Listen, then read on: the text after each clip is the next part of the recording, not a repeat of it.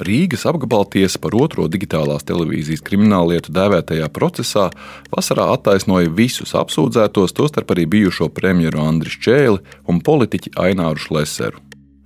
Tagad tiesa ir uzrakstījusi pilnu spriedumu, taču tas nekliedēja aizdomas par to, vai senais darījums bija likumīgs. Nu, nav noticis tas noziedzīgs nodarījums, par ko personas tikušas apsūdzētas. Ir kaut kas cits bijis. Tiesnesis pārmet prokuroram Monvīdam Zelčam, ka apsūdzībās izvēlēti nepareizi krimināla likuma panti. Prokurors tam nepiekrīt un saka, tiesa nevēlas skatīties uz visu afēru kopumā. Tiesnesis uzskata, ka valsts kontrole neko nesaprot un, un nezina un ir nekompetenti. Lietā uzaicinātie eksperti nekompetenti, neko nesaprot un nezina. Un arī prokurors tāds pats. Politiķis Ainārs Šlesers vaino, ka prokurors ir personīgi ieinteresēts un priecājas par attaisnošanu nu jau divās tiesu instancēs. Savu atbildību viņš neredz. Pagaidiet, nu, ko jūs tagad gribat? Ministrs ir politiska persona. Ministrs nevada ministriju. Vai jau otrais attaisnojošais spriedums digitālās televīzijas ieviešanas lietā nozīmē, ka izmeklētāji un apsūdzētāji kļūdījās, kad vainoja par oligarkiem dēvētos Andrius Čēli un Aināru Šleseru krāpšanā? Vai tomēr kļūdījās tiesa, kas izmeklēšanā apšaubītos darījumus atzina par normālu komerces darbību. To atvērto failu pusstundā pētīšu es, Andrejs Vasks. Pirmā daļa. Tas bija šoks. Nepiedošu mieru aizliegt, tad tikai mieru. Jā, nu šeit var nokļūt tikai LVRC darbinieki vai mūsu klienti, ja viņiem ir šāda nepieciešamība. Februāra sākumā esmu atnācis apskatīt digitālās televīzijas, jeb zemes apraides iekārtas, kas izvietotas ēkā Zaķu salas televīzijas torņa pakājē. Ekskursijā pa ierobežotas pieejamības objektu mani pavada Latvijas valsts radio un televīzijas centra darbiniece Vineta Sprūgaina. Esam telpā, kurā ir izvietoti gan uh, televīzijas raidītāji, tie ir tie salīdzinoši klusākie, tie ir ciparu raidītāji skaļāki. Mums ir radioraidītāji, jo tā ir analogā apraide.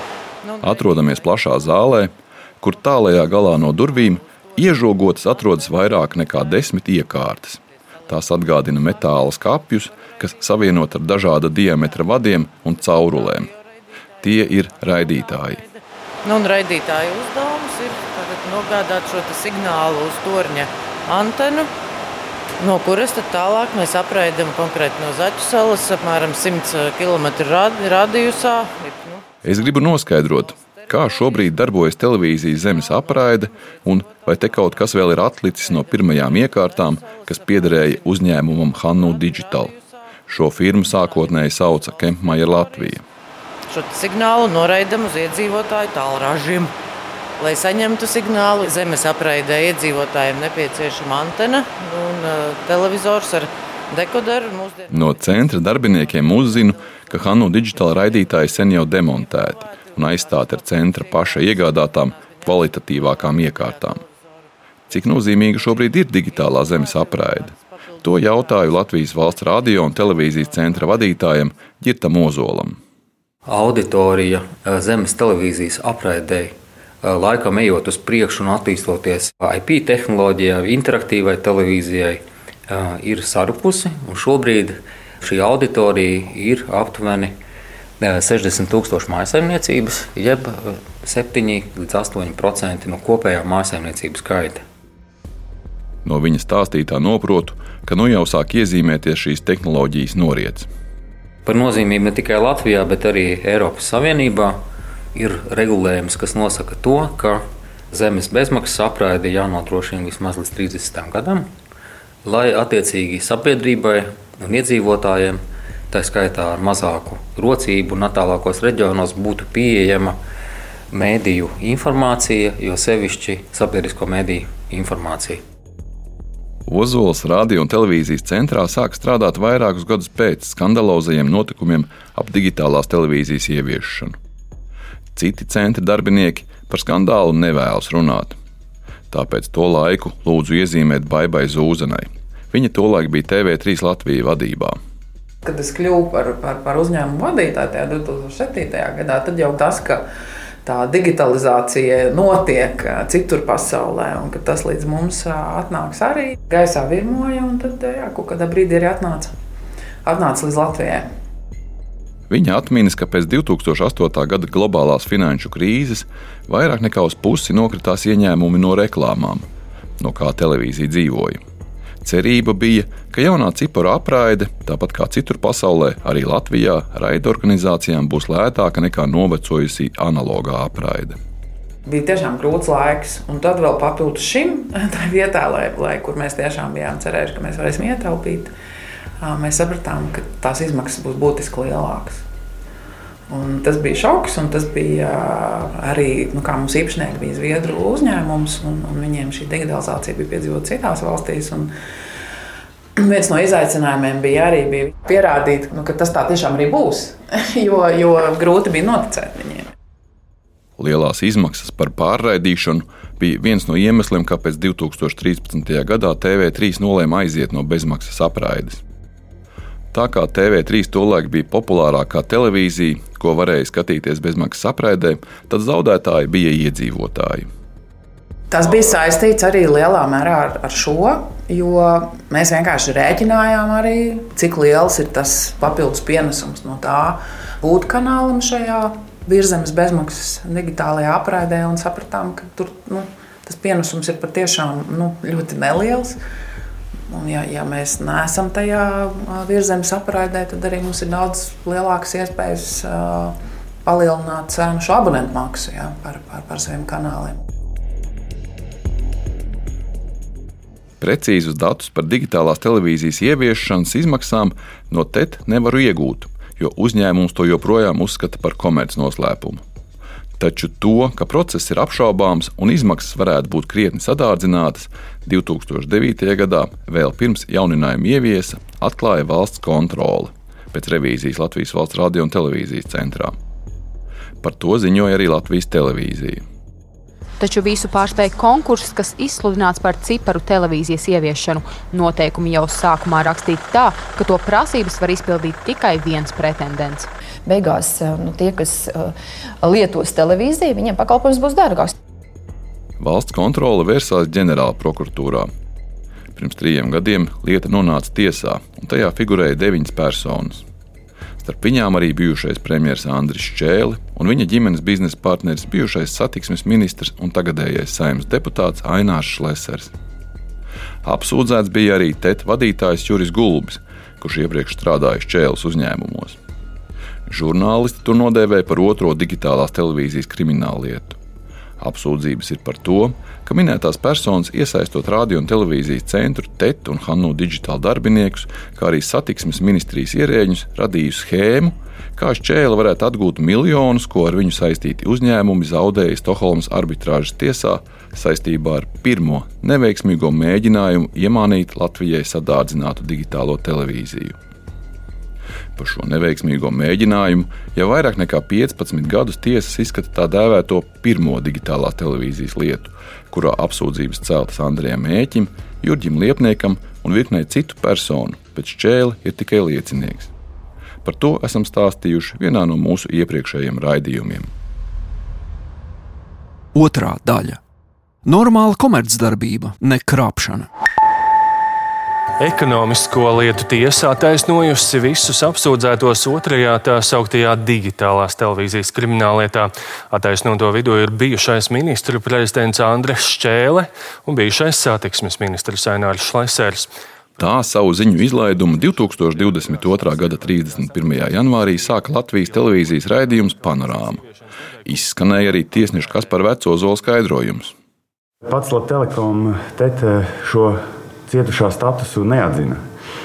Un, uh, arī amatpersonas, gan esošās, gan bijušās, kas tika pratinātas tiesā un arī pirmstiesā, norādīja, ka nav gan maldinātas, nav ar viltu panāktas noslēgtos līgumus, un uh, nekādi zaudējumi uh, sabiedrībai nav nodarīti.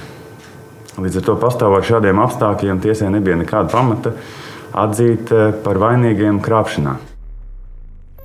Apelācijas tiesa lietu izskatīja gadu un divus mēnešus, un saīsināto spriedumu paziņoja pērn augusta sākumā. Trīs Rīgas apgabala tiesas tiesneši, Gunārs Stūris, Ingūna Amoliņa un Gunārs Kveska atcēla sākotnējo ekonomisko lietu tiesas tiesneša gatavoto attaisnojošo spriedumu, un katru no apsūdzētajiem attaisnoja no jauna. Labdien! Andrejs! Jā, Andrejs! Rīgas apgabaltiesā satiekos ar tiesnesi Gunteru Stūri. Intervijā vēlos viņam jautāt, kādēļ arī apelācijas tiesa uzskatīja, ka apsūdzības Šleseram, Šķēlem, Gulbim un pārējiem apsūdzētajiem ir nepamatotas. Tā kā mēs tagad varētu kaut kur piesēdēties. Pilno tiesas spriedumu ar motivāciju un argumentiem tiesneši pabeidz rakstīt 1. decembrī un tiesa man izsniedza anonimizētu dokumentu. Jā, varat, tā mēs varam jā, kaut ko sākt runāt. Spriedums ir neparasts ar to, ka atreferētajās liecībās, pierādījumu analīzē un pat motīvu daļā tas daudzviet apstiprina faktus, ko apsūdzība ir izvirzījusi iesaistīto personu vainas pierādīšanā. Tomēr tiesa uzskata, ka krimināla likuma 177. pantā paredzētais nodarījums krāpšana nav notikusi. Nu, es gribēju teikt, ka vienīgais, kas no 177. pānta sastāv, ir subjekts. Respektīvi, ka tās ir 14 gadus sasnieguši eh, pie pilna prāta esoša persona. Tas pārējais viss, nu, diemžēl, nu, nav. Un tāpēc es saku, te nav nevis krāpšanas sastāvā, bet nav notikusi krāpšana. Ir noticis kaut kas cits. Tas nav labs. Es neattaisnoju to, ko viņi ir izdarījuši bet tikai ne tā kvalificē to visu. Likums paredz, ka tiesa var pārkvalificēt personu nodarījumus, ja saskata citu noziegumu, taču tā nedrīkst pasliktināt apsūdzēto stāvokli un skart viņu tiesības uz aizstāvību. Tiesnesis Stūris saka, šajā lietā tas nebija iespējams. Mēs arī nevaram no šiem savāktajām ziņām, no izmeklēšanas un no tā, kādas ietvars ir uzcēlis apsūdzībā prokurors, izveidot citu notikumu. Un tad ir jāattaisno personas. Viņš stāsta, ka attaisnojošā sprieduma pamatā ir divi galvenie apstākļi. Būtiskākais - prokurors ir kļūdījies par cietušo atzīstot TET. Tā samaksāja firmai Hannu Digital gandrīz 2,5 miljonus eiro par fiktīvu zinātnības, jeb know-how licenci, un vēl apmēram pusmiljonu kā procentus no saviem ieņēmumiem. Prokurors uzskata, ka tie ir TET nodarītie zaudējumi. Savukārt tiesnesis Stūris to spriedumā sauc par normālu komercdarbību. Jūs atkārtojat uh, prokuroru domu, ka nebija jāmaksā Hanu digitāli, kad Hanu digitāli bija pārvērtēts. Es jums piekrītu, un arī spriedumā es jums piekrītu. Es gan saku, ka te nav svarīgi tas, par ko tieši maksāja, bet tas, ka teica, maksāja, lai varētu iesaistīties biznesā. Viņš samēroja peļņu ar to izdevumiem, kas viņam bija jāizdara, lai vispār tiktu šeit. Viņa prāt, arī cietušie bija jāmeklē citur, un prokurors to ignorēja. Viņš uzsver, ka teta ir radīta zaudējuma, bet teta ir iegūta peļņa no šī visa. Tet maksāja Hanu digitāli, bet maksāja ne jau no savas kabatas. Viņš maksāja to, ko mēs, gala lietotāji un raidorganizācijas, devām TET par šo pakalpojumu. Un tā ir tā milzīgā kļūda. Un šajā konkrētajā gadījumā vismuļķīgākais ir tas, ka valsts kontrole, kas bija pirmsākums šim visam procesam, vismaz šajā daļā par digitālās televīzijas ieviešanu Latvijā, pateica, tur jau ir Tā atbilde. Gala lietotāji un raidorganizācijas būs zaudētāji. Kāpēc prokurors neielika šo gala lietotāju? Nu, tas jums ir jāprasa viņam. Nu, es pieņemu, ka tas būtu neiespējami pierādīt, ka gala lietotājiem ir nodarīti zaudējumi. Vai Tantiņa Bauskā samaksāja nezinu, 250 vai 256 vai 252? Bet uh, jums jau nav jāpierāda tas, cik tantiņa samaksā. Jums ir jāpierāda tas, cik varēja prasīt par šo un cik prasīja reāli par šo. Pēc viņa teiktā, otrs būtiskais apstākļus, kāpēc apsūdzētie bija jāattaisno, ir tas, ka neviens nav maldināts. Lai notiesātu par krāpšanu, jāpierāda, ka nauda cietušajiem ir izmānīta ar viltu. Svarīgākais šeit ir sekojošais. Nu, Tātad ņemsim šo tetu padomu. Tātad Zviedrijas puse, ja jūs lasījāt viņu liecības, kas arī tika atreferēts, viņas ir, nu, kādi ir šie cilvēki. Viņiem neinteresē detaļas, Viņiem interesē gala rezultāts. Bet tā detaļa būtu tāda, ja tagad Zviedrijas uzņēmums Pagad, ir iesaistīts korupcijas notikumā, iespējams, ka viņi, viņiem būtu cits viedoklis. Jā, jā, arī to pasaka liecībās. Ja mēs tagad būtu zinājuši, ka tas Hano digitāli tur ir un ka viņš ir tas sliktais un viņš ir saistīts ar to un šito un šito zirnekli, ne, tad mēs nebūtu. Bet vai viņi kaut ko interesējās tajā brīdī, kad deva šo apstiprinājumu? Rīgas apgabala tiesas tiesnešu uzrakstīto spriedumu lietas dalībnieki var apstrīdēt augstākās tiesas senātā. Tas lietu var likt pārskatīt tikai tādā gadījumā, ja tiesa pieļāvusi procesuālus pārkāpumus, kas noveduši pie nepareizas lietas izspriešanas. Ja šādu pārkāpumu nav, tad šis apelācijas instances tiesas spriedums stājas spēkā.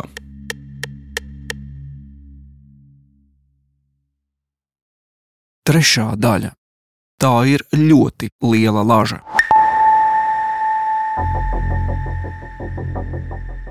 Ļoti izbrīnīja šis spriedums, iepazīstoties ar viņu. Jo tādiem vienkāršiem vārdiem sakot, varētu teikt arī tā, ka tiesnesis uzskata, ka valsts kontrole neko nesaprot un nezina un ir nekompetenti. Lietā uzaicinātie eksperti nekompetenti, neko nesaprot un nezina, un arī prokurors tāds pats. Tad iznāk, ka viens tiesnesis ir šajā lietā viss pareizi sapratis un, un vienīgais. Jā. Tā par apelācijas instances attaisnojošo spriedumu saka ģenerāla prokuratūras prokurors Monvīds Zelčs. Viņš uztur apsūdzību gan pirmajā, gan arī otrajā digitālās televīzijas krimināllietā. Te tik daudz to jautājumu ir, ka, godīgi sakot, var gan jau ļoti ilgi runāt par šiem trūkumiem. Un, nepilnībām un neatbilstībām, ko manā ieskatā ir pieļāvis pats tiesnesis. Nezinu, kādu iemeslu dēļ. Vai aizņemtība, vai tas ir kaut kas cits, es nezinu. Man ne, nerodās iespējas, ka viņš ir uh, iepazinies ar šo lietu, iedziļinājies viņā pietiekami, lai izprastu. Prokurors jau ir uzrakstījis un iesniedzis protestu augstākās tiesas senātā. Līdz raidījuma gatavošanas beigām senatori vēl nebija izlēmuši vai ierosināt kasācijas tiesvedību. Protests ir iesniegts par visu apsūdzēto attaisnošanu, par visiem inkriminētajiem nodarījumiem. Pamatā protests balstās uz to, ka tiesnesis eh, kaut arī deklarējis, ka ir vērtējis visus pierādījumus un būtiskākos, un kā viņš tur formulējis, viņš tieši to nav izpildījis. Zelča ieskatā apelācijas tiesa nav vērtējusi pierādījumus kopumā un savstarpējā sakarībā, kā to prasa likums. Vairākus pierādījumus tā vērtējusi pretēji to saturam.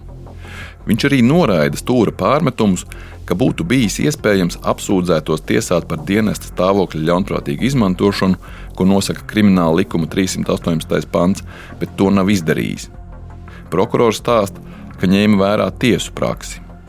Ja ir mantiska rakstura noziedzīgs nodarījums, kā tas ir šajā gadījumā, vismaz manā skatījumā, viņš ir primārais. Jo apsūdzēto mērķis bija iegūt naudu. Ja, viņi to visu darīja, lai gūtu lai gūtu naudu. Tad primāri ir lieta kvalificējuma pēc krāpšanas.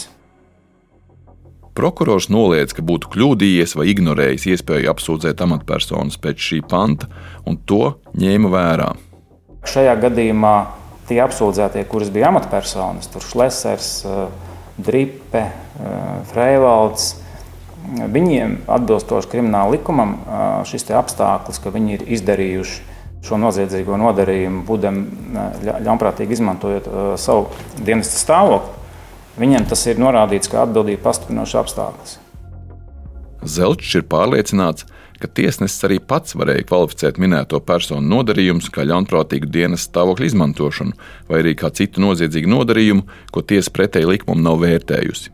Arī šo aspektu prokurors iekļāva kasācijas sūdzībā kā iemeslu, kāpēc attaisnojošais spriedums būtu jāatceļ. Bet es no sprieduma neredzu, ka viņš to būtu darījis vai pat mēģinājis darīt.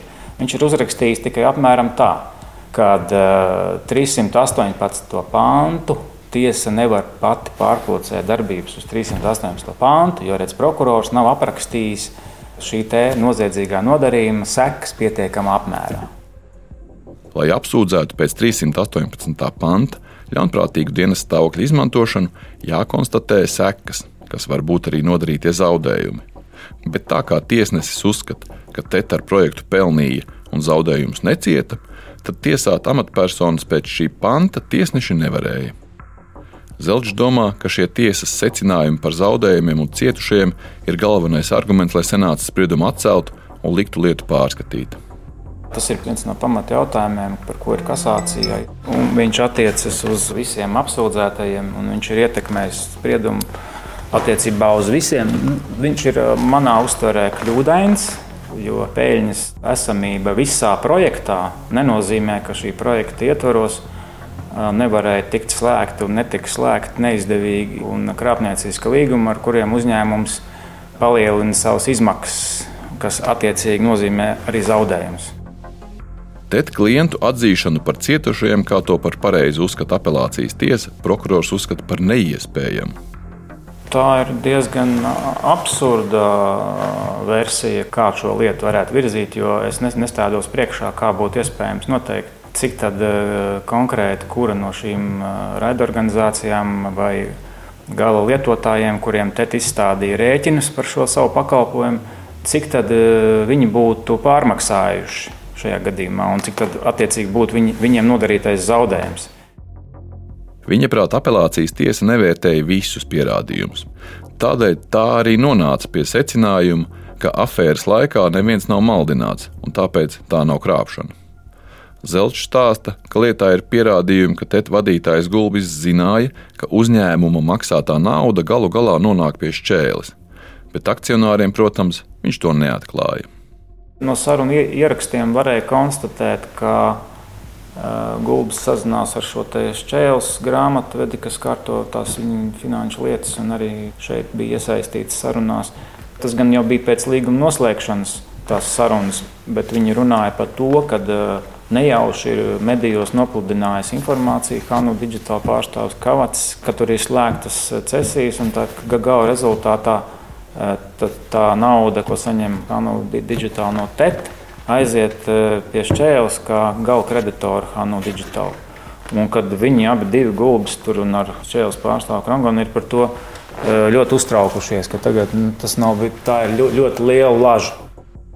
Viņš turpina, ka tiesa arī nepievērs uzmanību pašam afēras sākumam, kad satiksmes ministrijā sprieda, kā veikt televīzijas digitalizāciju tā, lai tur noteikti iekļautu firmu Hanu Digital ar tās nepārāk kvalitatīvajiem raidītājiem.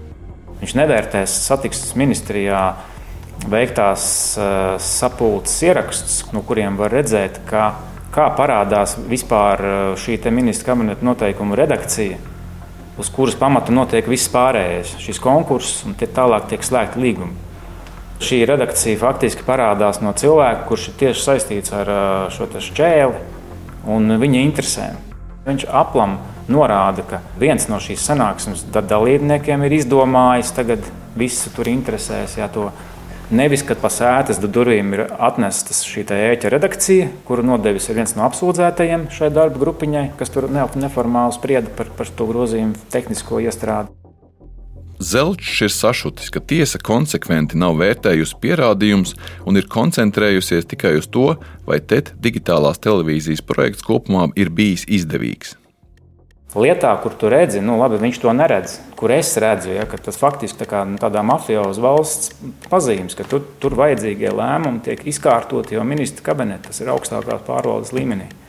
Vajadzīgais lēmums tiek pieņemts, izstrādāta ministra kabineta noteikumi, tālāk tiek rīkots fiktīvs konkurss, tālāk tiek slēgti, slēgti nu, vajadzīgie līgumi. Ceturtā daļa. Vai krimināli nesodāms noziegums? Labdien, Šlesarkungs! Varētu uz pāris vārdiem secināt, jā, es no Latvijas rādīju Andrejs Vasks. Saimas deputātu Aināšu Leseru no partijas Latvija pirmajā vietā uzrunāja Saimas plenārsēdes starpbrīdī.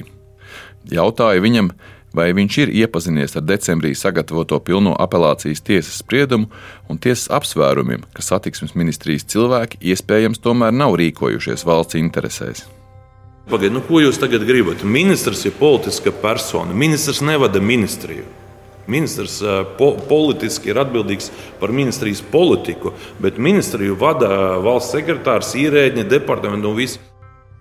Attaisnošanu nu jau divās tiesu instancēs Šlesers sauc par likumsakarīgu, jo lieta viņa prāt ir politizēta un safabricēta. Tiesas spriedumā teikts, ka ne tikai viņš, bet arī visi pārējie lietā iesaistītie jebkādas apsūdzības noraida. Jautājums ir tāds, kā tas varēja būt, ka desmit gadus nekas nenotiek, un pēkšņi pēc desmit gadiem kaut, kaut kas tiek salikts kopā un ātri tiek aizvirzīts. Ārkārtīgi vienkārši. Tāpēc, ka tuvojās noilgums. Un viņš saprata, ka šo lietu vajag uztaisīt kā tādu politisku šovu, bet tam bija labvēlīgi apstākļi. Viens ir uh, Zelča ieinteresētība personīgā, jo viņš ir prokurors lielajā lietā bijis. Otrs ir Juraša Bordāna uzstādījums, ka vajag cīnīties pret uh, konkrētiem cilvēkiem. Un es domāju, ka vienkārši tā sinerģija bija ļoti labvēlīga. Šie konkrētie cilvēki esot viņš pats un Andris Čēlis. Bet kā Šlesera apvainojums prokuroram Zelčam komentē ģenerālprokurors Juris Tukāns. Ziniet, ja mēs tā bišķiņi arī jautrībai, ja mēs runājam par prokurora sautīgumu, vismaz šajā gadījumā Zelču, tad viņam izdevīgāk bija izbeigt un aizmirst un neko nedarīt. Viņš savu kolēģi slavē par rūpīgi paveiktu darbu, ko varēja novērtēt laikā, kad vēl pats strādāja par tiesnesi pirmajā digitālās televīzijas lietā.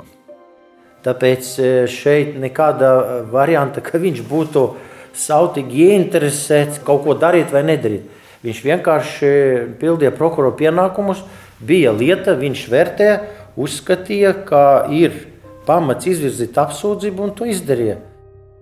Ja Rīgas apgabala tiesas tiesnešu attaisnojošais spriedums paliks spēkā, tad izveidosies situācija, ka iespējams noziegums ir noticis, taču neviens par to nav atbildīgs. Kā to vērtēt? Vai sabiedrība un žurnālisti, kuri ir cieši sekojuši līdzi digitālās televīzijas procesiem, spēs respektēt šādu iznākumu un noticēt attaisnoto nevainīgumam? To jautāju žurnālistam Jānim Domburam.